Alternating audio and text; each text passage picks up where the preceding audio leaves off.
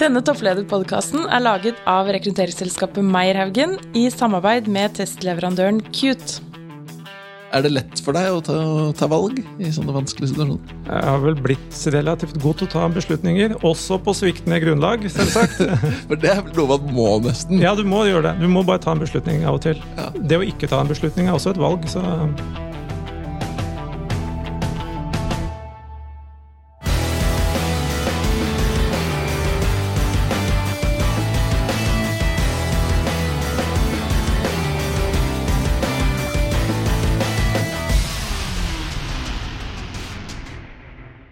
Ja, Sverre.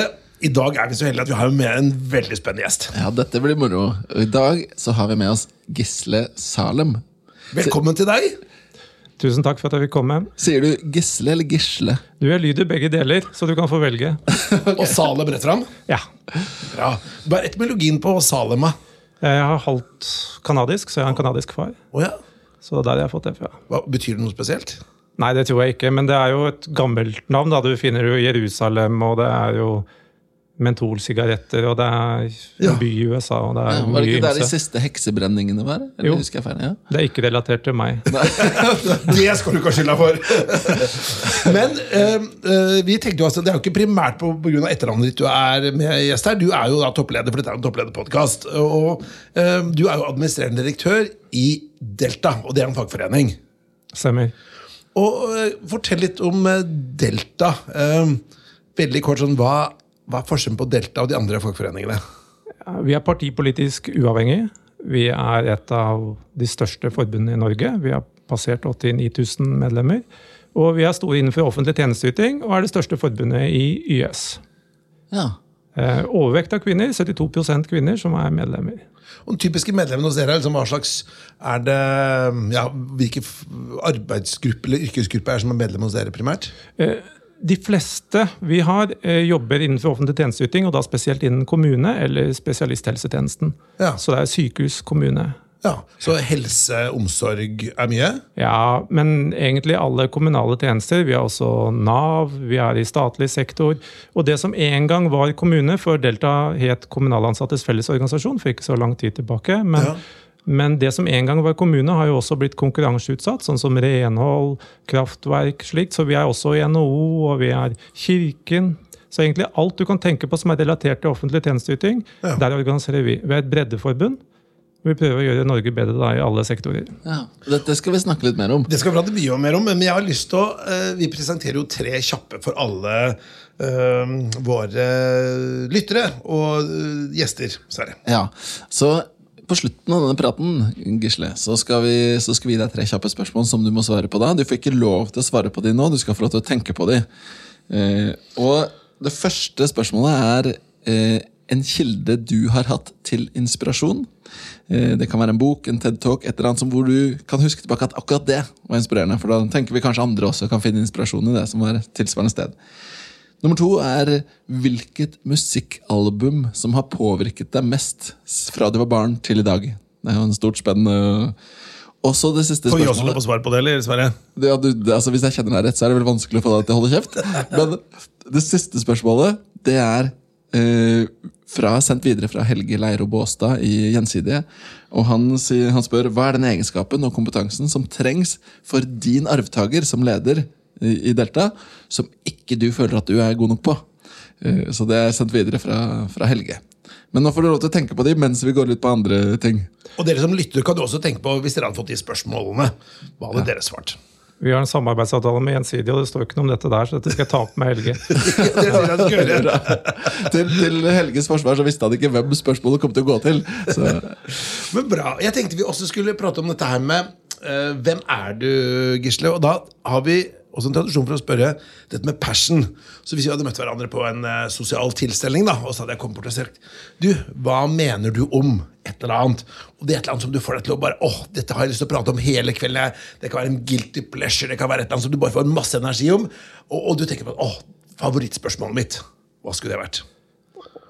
Det det er jo litt vanskelig å svare på, men både privat og i og for seg også i jobb så er vi opptatt av å prøve å gjøre Norge bedre. Så hvis du har Ja. egentlig en god idé eller en god tanke på noe du ønsker å se gjort, så hadde Ja. det vært spennende. Ja. Um, og Hvis vi skulle hatt noe mer generelt, så nesten det meste innenfor historie hadde også vært interessant. For du er jo også utdanna historiker. altså Du har grunnfag og mellomfag i historie, har jeg lest meg til? Ja, jeg har studert altfor mye rart, men jeg har blant annet det også. ja. Ja, så, Og hvis, hvis du da hadde kommet inn i samtalen mellom meg og Petter, hvor vi snakker om eh, andre verdenskrig, f.eks., er det liksom innafor historiedefinisjonen? Ja, Den er så blodig og egentlig mye tilfeldigheter, men det er kanskje mer spennende å snakke om eh, europeisk middelalder, eller hvordan historien Ja. gjentar seg. Eller? Korstogene ja, eller arbeidslivet i middelalderen. Ja. Ja.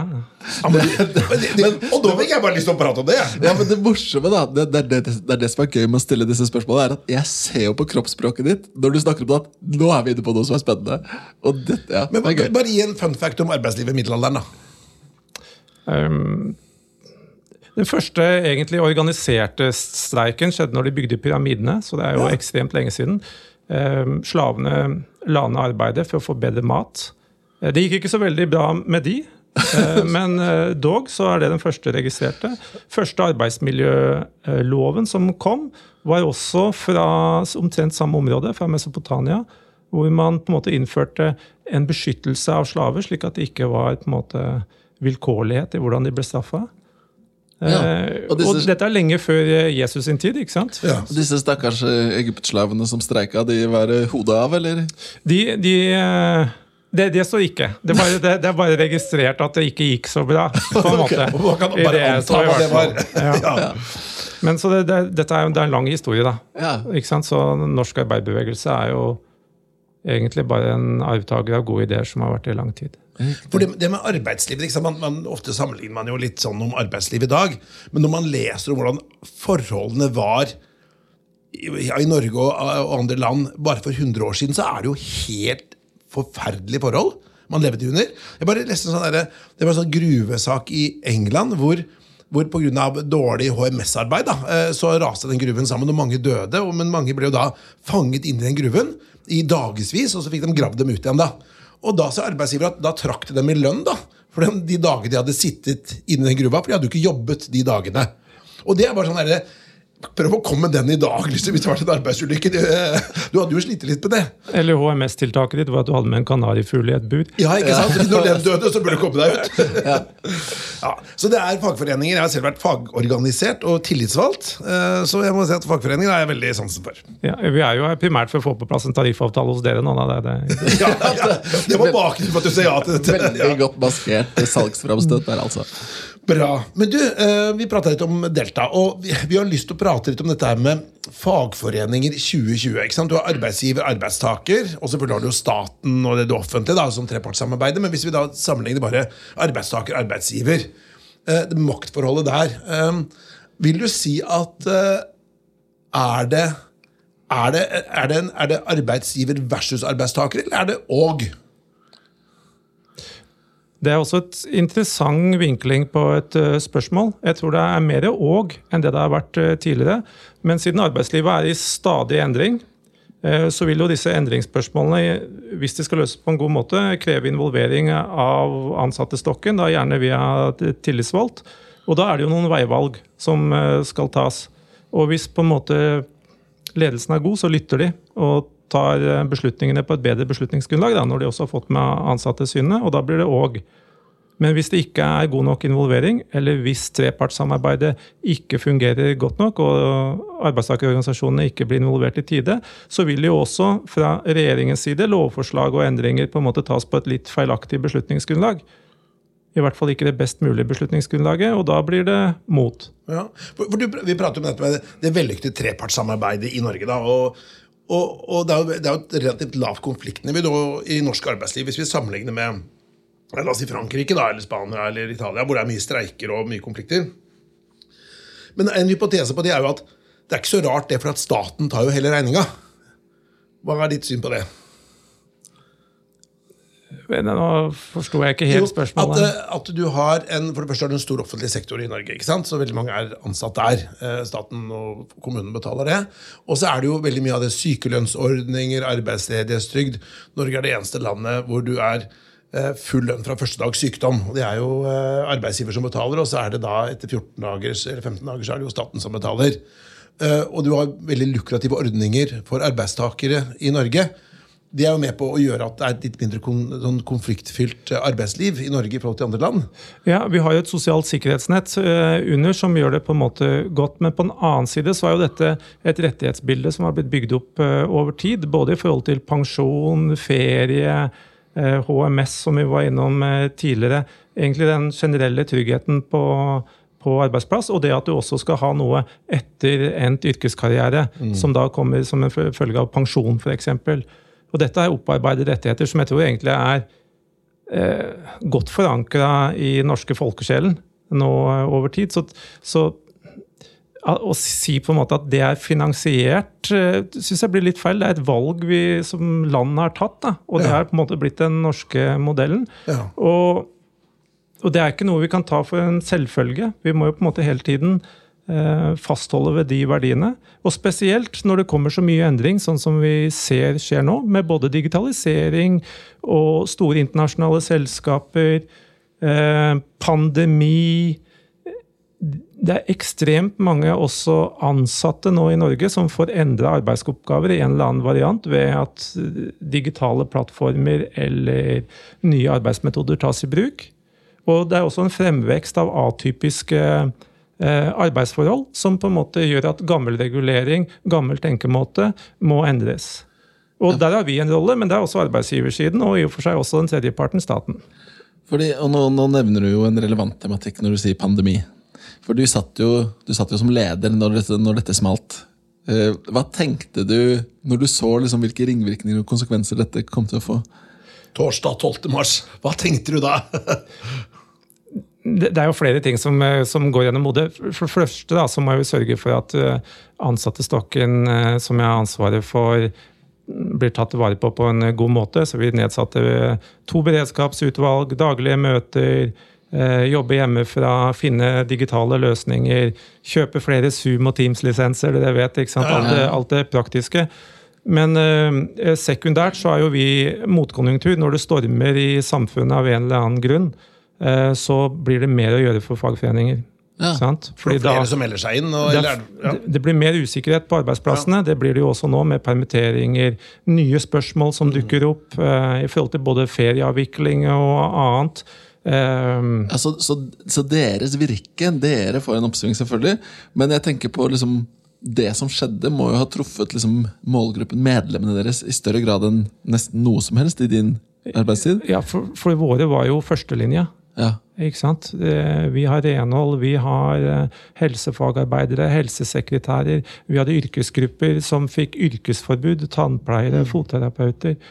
Ehm, så dette traff jo våre medlemmer veldig. Jeg føler at de har blitt godt ivaretatt, både av oss, men jeg må også gi eh, heder til eh, arbeidsgiverne, som også på en måte har tatt sitt ansvar her.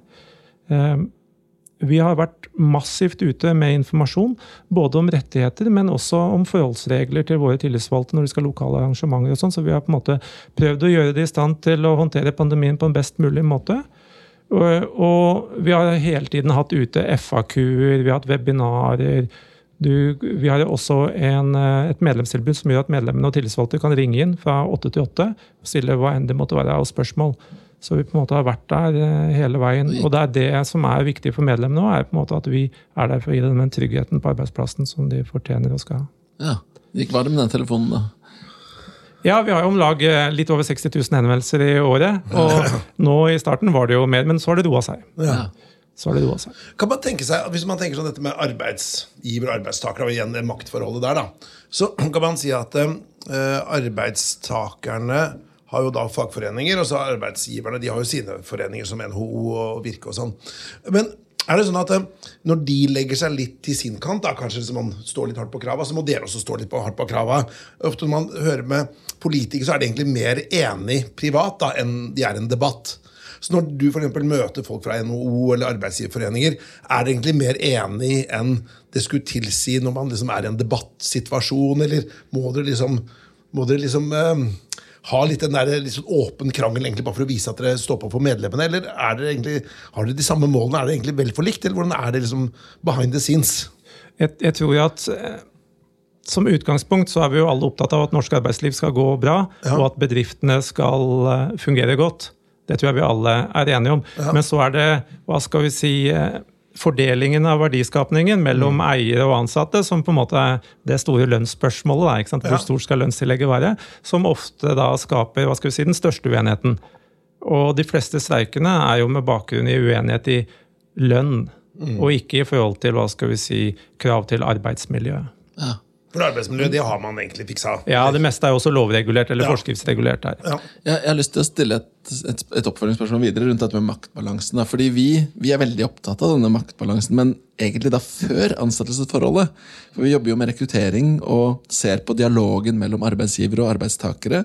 Observasjonen vår er jo at veldig mange som rekrutterer, opplever at de har makta, og gjør rekrutteringen som de har makta. Jeg kan som rekrutterer teste deg, bakgrunnssjekke deg, jeg kan ta personlighetstester og IQ-tester og finansielle sjekker og alt mulig rart, og du får veldig lite igjen som arbeidssøker. da. Mens realiteten vi ser, er at kanskje makten egentlig har svingt over. Sånn at det kanskje er arbeidstakere som reelt sett har mer makt nå, sammenlignet med for 20 år siden. for eksempel. eh, Og det er fordi det er så stor mangel på kompetent arbeidskraft i Norge. ja, så, så, det så til spørsmålet mitt. Min observasjon er at arbeidsgivere tror de har makta, men kanskje har de ikke det. I hvert fall i rekrutteringsprosessen. Er det fremdeles sånn etter at folk er ansatt? Tror arbeidsgiverne at de har makta? Arbeidsgiver har jo fortsatt styringsretten, på en måte, og det ligger jo en del makt i det, selv om nå mye er regulert via lov og forskrift og tariffavtaler. Men jeg vil jo si, si det. Eh, På en annen side så har det vært en sideforskyvning, fordi eh, det stilles nye kompetansekrav. Eh, Vi har jo hatt som mål å sørge for at medlemsmassen er attraktiv og forblir attraktiv eh, arbeidskraft fremover. Så et kompetansefokus både hos arbeidsgiver og i og for seg også hos fagforeningene har vært et skifte de siste årene. Og det tror jeg også er noe av svaret på denne digitale endringsprosessen som samfunnet er i, i ferd med å gå igjennom. At mer kompetanse, og egentlig nysgjerrighet på mer kompetanse og villighet til å prøve ut nye ting, kommer til å være mer og mer viktig. Ja. Og hvis du ikke er med på det, så vil det også da forrykke balanse. ja. Men, men igjen, tror du det er altså, Hva vil du si er de, Du sier det er lønn nå, da. Tror du det Men vi prater jo også om det, liksom, det nye arbeidslivet. da, ikke sant? Sånn som man tenker at Før så var det eh, arbeidsgiver og arbeidstakere sto kanskje liksom og dro i den samme krona. da, ikke sant? Jeg vil ha hvem, hvem som skal ha mest. Men etter hvert nå så er jo veldig mange arbeidstakere, i hvert fall i gründerbedrifter, sånn, de er jo medeiere i selskapene sine. De, de er jo arbeidsgiver Jeg bare liksom kjenner meg igjen som arbeidsgiver. da, at, at Man går jo og håper at ikke de skal si opp. Du gjør egentlig ganske mye for at de skal ha det bra. Så, så den der med at arbeidsgiveren har makta Jeg kjenner meg ikke så godt igjen i det. da, Jeg ser mer at eh, at um, arbeidstakerne som er høykompetente, veldig attraktive At du må liksom, det er egentlig jeg som server dem, da, for at de skal ha, ha det bra, enn at de server meg. da. Men den forskyvningen har sikkert vært sunn. Ja, og det har du helt sikkert rett i. Men hvordan, hvordan opplever du det i egen organisasjon, da?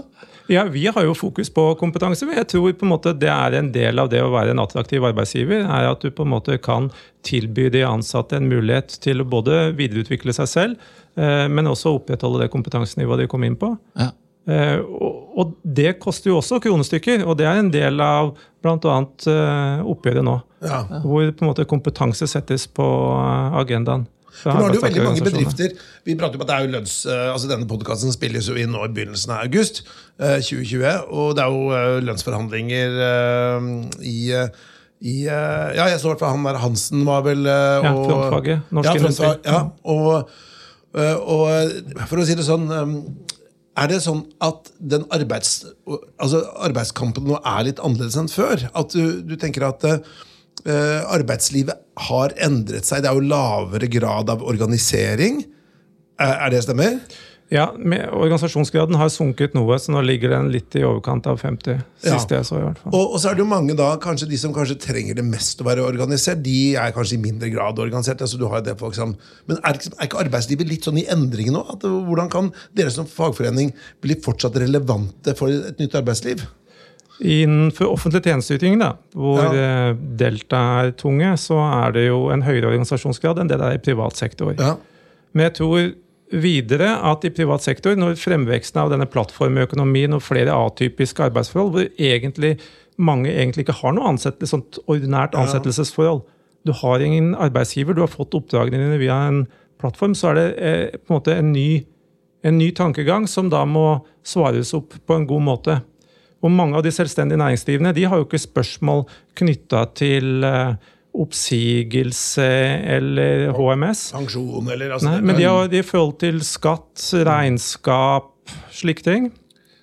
Eh, og da må vi tilpasse tjenestetilbudet, for det vil alltid være en, en, eh, hva skal si, en ubalanse mellom eh, oppdragsgiver eller arbeidskjøper og de som utfører arbeidet. Ja. Så det er kanskje behov for en, en arbeidsgiverorganisasjon for disse eh, frilansøkonomien? da, De fleste store forbund har et eh, tilbud til selvstendige. Ja. Alla Delta selvstendig, YS selvstendig, Parat selvstendig. Men et spørsmål til deg. Det å lede en fagforening er jo en egen, egen ting, og, og som vi snakker om, så endrer ting seg. Eh, også for fagforeninger i stor grad. og det Kampen om å være relevant for medlemmene og, og være en medlemsorganisasjon. Som toppleder for dette, da, hva er de vanskeligste avgjørelsene for deg? da? De vanskeligste problemstillingene du står i? Vi, det er som du sier, vi må sørge for at vi har et relevant tjenestetilbud for medlemmene til enhver tid. Og Det betyr at vi må tørre å stille spørsmål med det vi har gjort, i forhold til hva vi skal være for medlemmene fremover. Og når du har 90 000 medlemmer, så er det jo mange hva skal vi si, oppfatninger der ute om hva som er rett vei å gå. Eh, Noen liker eh, fysiske tilstelninger, andre var veldig fornøyd når vi gikk over til digital opplæring. Eh, Det er også et spørsmål hvor mye fokus er det vi skal ha på at vi som arbeidstakerorganisasjon skal gi kompetanseutviklende tiltak til medlemmene våre, når vi egentlig mener at det er arbeidsgiver som har en plikt for å sørge for kompetansedekning hos eh, de ansatte. Og så er det noen ting som alltid vil forbli fast. At man er opptatt av lønn, er opptatt av karrieremuligheter du er opptatt av pensjon. Så noen ting er fast, men noen måten vi utfører tjenestetilbudet på, må vi se på. Og da vil det være noen veivalg.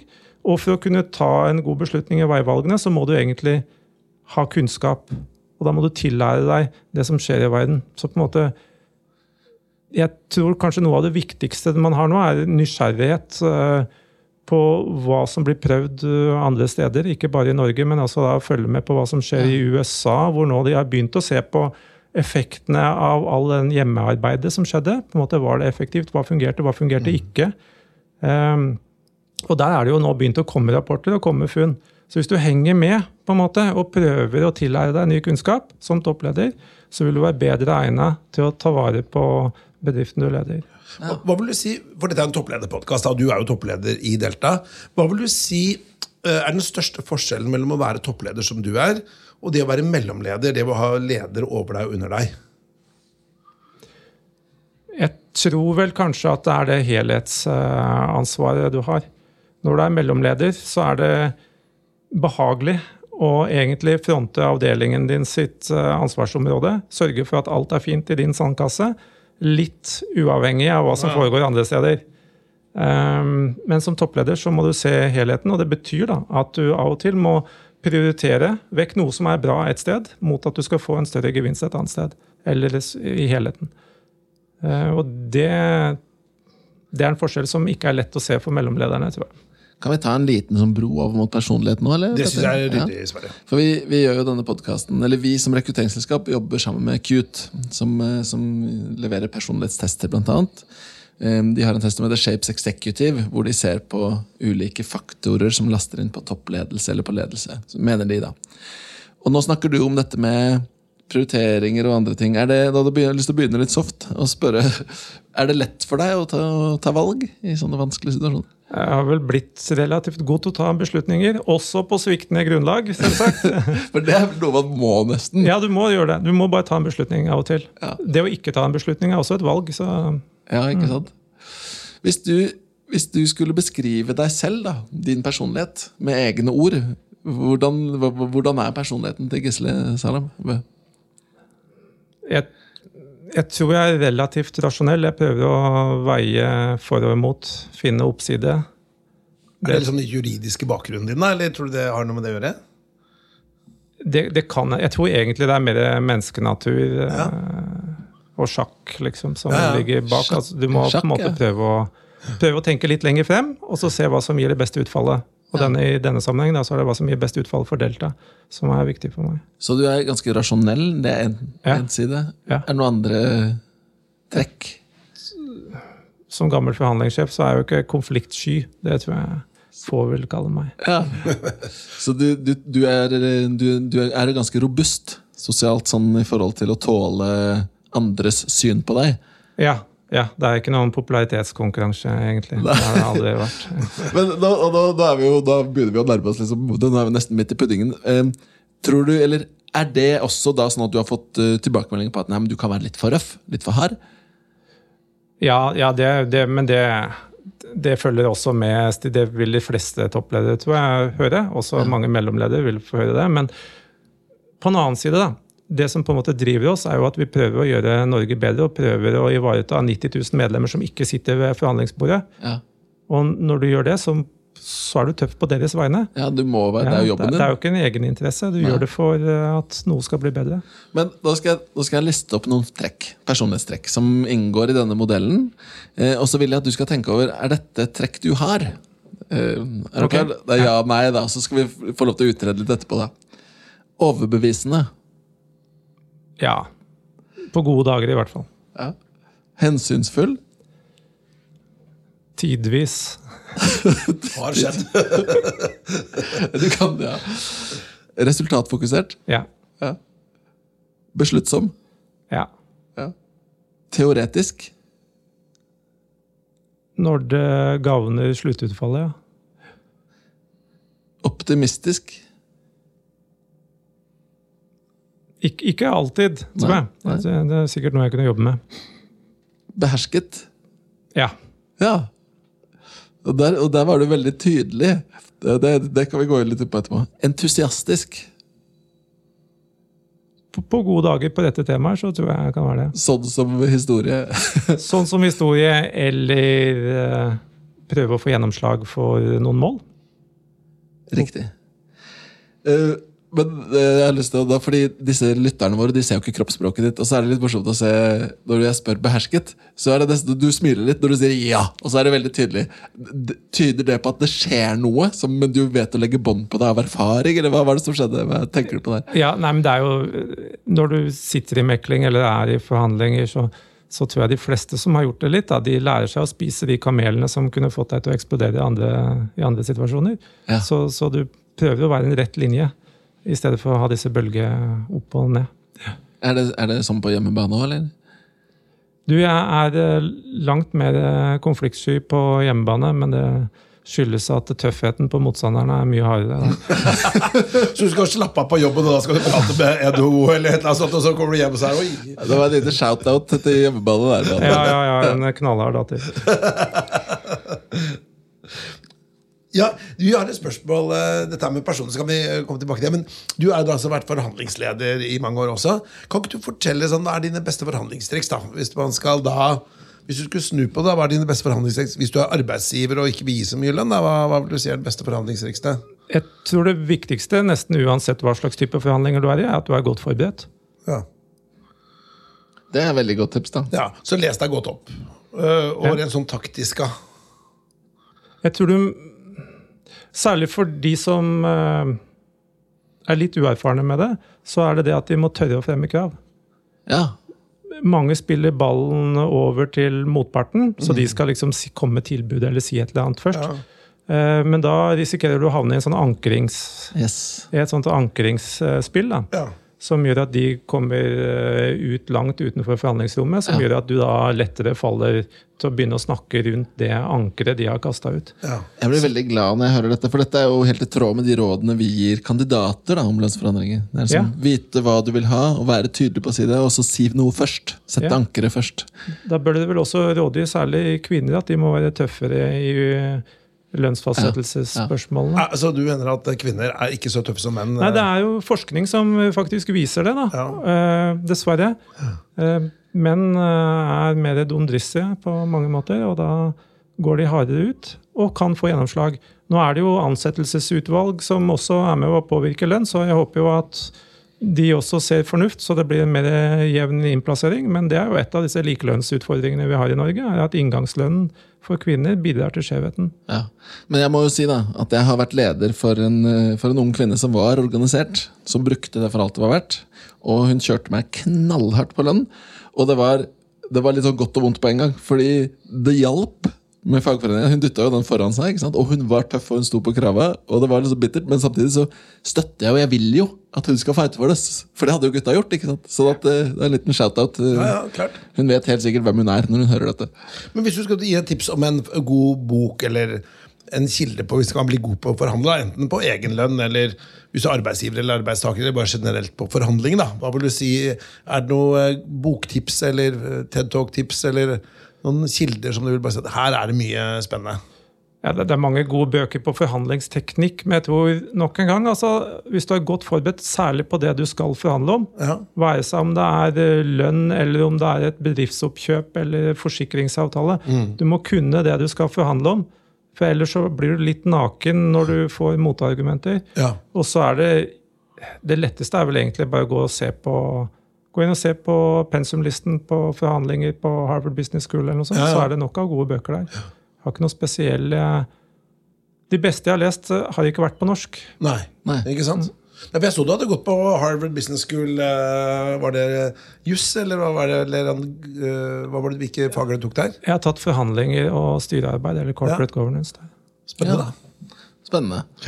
Du, nå, nå tenker jeg vi kanskje skal gå inn mot disse, Ja. disse tre kjappe etter hvert. Ja. Er det noe du brenner inne med før vi, før vi skal ta de? Det er masse jeg brenner inne med, men jeg har lyst til å Siste spørsmålet er Nå står Norge foran en tøff høst.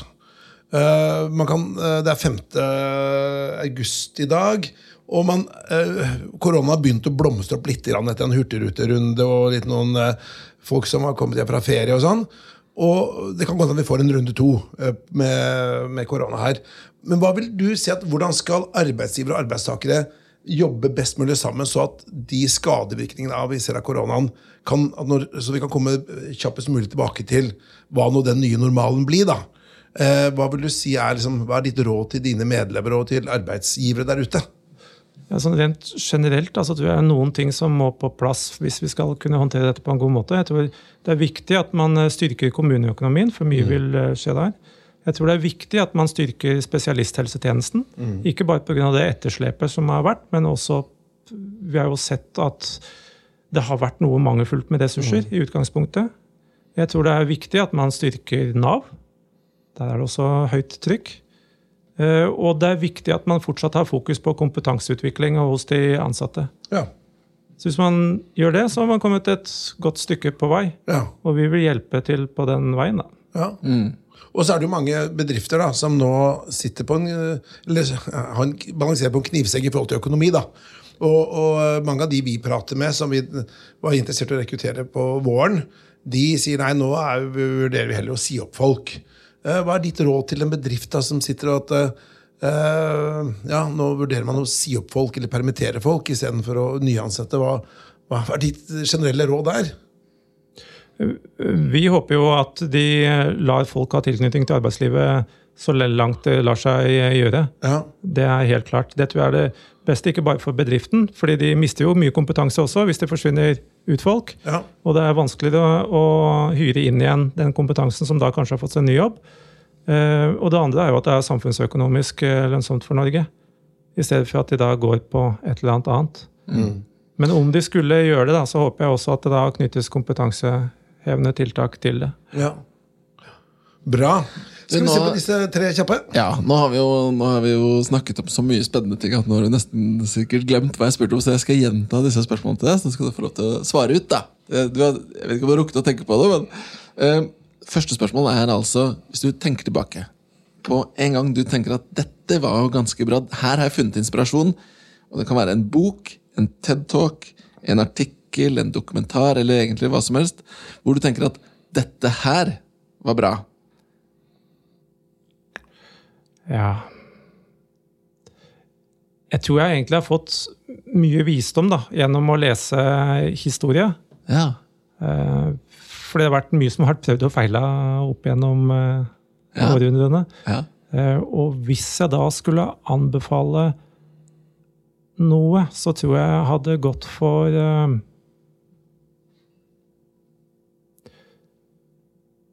Jeg tror jeg hadde gått for en eller annen biografi om Napoleon, tror jeg. Ja. Oi, spennende. Der får du alt det som er interessert i toppledelse, og så får du en toppleders fall og tilbakekomst og ja. fengslinger, og det er veldig mye interessant. Og så er det noen strategiske veivalg som kunne vært gjort veldig annerledes. Ja. Så gå litt i detalj i det kunne vært spennende for veldig mange. Hva, hva vil du si er det beste man kan lære av ledelse? Hvis du kan gi en sånn executive summary av Napoleons lederstil, og sånn, hva skulle det vært? Han, han har jo en voldsom tro på det han gjør, Ja. Ja. eh, og det smitter jo over på det franske folk. Så lenge det går bra, i hvert fall. ja, ikke sant? Eh, og den entusiasmen, den eh, Hvis vi hadde hatt en brøkdel av det, så hadde vi jo Ja. kunnet endre Norge. Jeg hørte det at han, han Før store slag da, så inviterte han generalstaben sin på, på middag. Og de som begynte å salte og pepre maten før de hadde smakt på den, de fikk sparken. For da var de forutinntatt. Alt det var sånn, Du skal smake på maten. Trenger du mer salt og, eller mer pepper, da er det greit. Så det var ikke smaken. det er rett og slett bare sånn at det, Hvis du er forutinntatt at det, nei, vi må alltid ha artilleri der, eller kavaleri må der, eller sånn og sånn, uten å på en måte lese hva som er situasjonen. da. Det er i hvert fall en uh, historie. Ja. Men men Ja.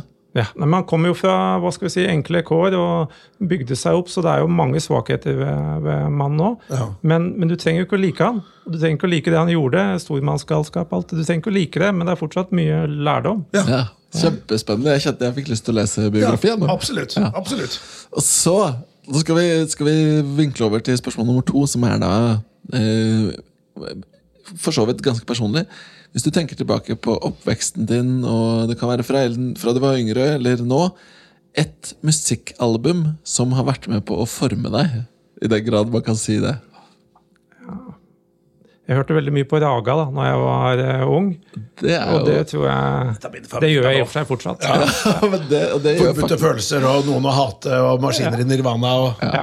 det, er- det, er, det er groove, det. Det funker Viking. fortsatt, det. Viking, da kobler du historikken, ikke sant? Hadde du levd i en annen tid, Ja, ja, ja. og så videre.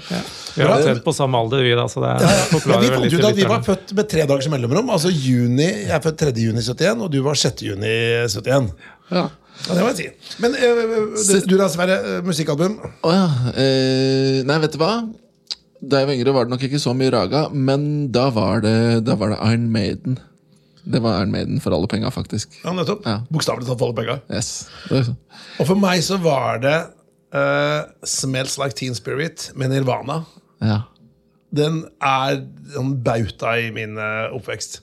Når jeg hørte grunge for første gang, tenkte jeg Det var som når disse folka som vokste opp på 60-tallet, hørte Beatles for første gang. Det var sånn der rubber soul moment. Jeg bare tenkte what the fuck, Dette er det beste jeg har hørt noensinne. ja og det, det er tydelig på måten du snakker om det, at det sitter ennå. Ja, ja, ja, helt sinnssykt. Så du svinger på firmafesten hos meg i dag. Jørgen. Det, er som, det er som å høre Gisle snakke om historie. Det. Ja, ja. Og nummer to er selvfølgelig Fat of the Land med Prodigy. 96. selvfølgelig. Selvfølgelig. Ja. Yes? Jeg glemte Ramstein. da, Peter. Jo, det er sant. Eh, vi har et tredje spørsmål til deg, og det er da som sagt sendt videre fra Helge Leire Båstad i Gjensidige. Og jeg gjentar, han visste ikke at det skulle til deg, så du får ikke ta ham på det etterpå. Uh, spørsmålet er hva er den egenskapen og kompetansen en ny toppleder hos dere må ha, som ikke du har, nødvendigvis? Det er sikkert ganske mange andre av mine ansatte som burde ha svart på det spørsmålet. Uh, Og noen ville sikkert ha sagt mer empati. Um, For du føler selv at ikke du har så mye av det? Jo, jeg, jeg gjør det, da. De, nesten alle i Delta, både tillitsvalgte og ansatte, vi er indre motivert for Ja. den jobben vi gjør, og de oppgavene vi gjør. Ja. Eh, og det gjør Du drives dit av egentlig empati, eh, av at du skal skape balanse i arbeidslivet. Eh, så jeg føler vi har det. Kanskje enda mer nysgjerrig enn det jeg er. Jeg er litt for rasjonell til å hive meg ut på hva skal vi si, forsøke nye ting, nye kurs, nye digitale løsninger. Jeg er litt mer opptatt av at det skal lykkes. Jeg kunne ha turt å feile mer. Ja. Eh, og det kunne den nye topplederen eh, da hatt godt av, etter å ha hatt en sånn eh, ultrarasjonell som veier opp og ned før han gjør noe som helst. Så du har ikke så høy risikoappetitt? Nei, jeg liker jo ikke det. Jeg Nei. prøver å kutte nedside. Ja, det, du, du reflekterer over på en måte som gjør at det er vanskelig å ikke altså det, det høres veldig komfortabelt ut, fordi du høres ganske Ja, bevisst ut på det. Fordi nedsiden vil jo treffe 90 000 andre. Ja, ikke sant? Ikke sant? Og det ønsker jeg ikke. Ja. Men la oss si en ting, for det har jeg full forståelse for. Når du skal forhandle for 90 000 andre, så dummer du deg ut, så, så er du jo Du blir jo ikke employee of the year da. Men la oss si at hvis du eh, skal ta beslutning som må gå på deg selv, eller du skal kjøpe bil, eller kjøpe hus, eller dra på ferie, eller gjøre noe annet som bare eh, altså enten gagner deg eller treffer deg eh, negativt, da. Er du like rasjonell da, eller kan du gå utenfor komfortsonen din da? Nei, for da er jo konteksten annerledes. Ja, Så, så da, da, har du er- jeg, da da er har jeg ikke den samme Da er du veldig risikoversjonen. annerledes. Da hopper du i fallskjerm og Ja, fjellklatring, alt mulig rart. Ja. Ja. Ja. så, så da blir det annerledes. Men- Men, men- men, i rollen som eh, rollen jeg har i Delta, så må jeg ta hensyn til de jeg er der for. Du, du nevnte sjakk i stad, men uh, hvis vi drar til poker, da. Du kan bløffe i poker, selv om du er rasjonell og kjører odds. Ja, jeg har uh, relativt godt kroppsspråk for poker. Uh, selv om jeg ikke har samme Du hode for pokerface. regning eh, Jeg har ikke samme hode for sannsynlighetsregning lenger som du trenger der, da. Men, Nei. Right. Nei, men Det er veldig bra. Tusen takk for veldig åpne svar. Du får også nå muligheten til å sende ett spørsmål videre, for vi skal jo intervjue flere toppledere. Og da kommer vi til å sende et videre fra deg. Hvilket spørsmål vil du da stille? da, siden jeg kommer fra fagforeningen, så skal jeg spørre om jeg kan få gi to. Ja, Da må vi høre hva det det er. er veldig kort, da. så vil du ha to. Det er typisk sånn fagforeninger. ja. Det, er, det er veldig, første er veldig kort. Det måtte i så fall være om den dere intervjuer, eh, har tro på at ansatte som er eh, veldig tilfreds eller lykkelige, eh, produserer bedre. Og Hvis de svarer ja på det, så kan dere da følge opp spørsmålet som går på hva som skal til for at de blir det. Ja, Det er et godt Og spørsmål. da får, vi ting, da får du et svar som vi liker å høre. da. Ja, ja, ja. Forhåpentligvis. Da kan tegne opp en hel sol med ulike stråler med gode ting for de ansatte. Ja. Og det er jo et veldig spennende spørsmål, som jeg ville jo forvente at en toppleder har et forhold til. Ja, jeg må si at det er, det er et spennende spørsmål. da. Eh, og Vi kunne gått inn i debatt på det. Jeg husker jeg, når jeg studerte psykologi på Blindern på 90-tallet, så leste jeg en bok om dette, her, og da sto det Konklusjonen var A happy worker is just a happy worker. Not necessarily a more effective one. Vi si var der er, jo, der er det jo forskning som sier andre ting, da, bare så det er sagt. Ja da. I don't know. Yes, men Tusen takk for at du kom i studio i dag. Veldig spennende å høre hva du har og øh, hvordan erfaringen din er med fagforeninger og arbeidsgivere og arbeidstakere. Lykke til i lønnsforhandlinger.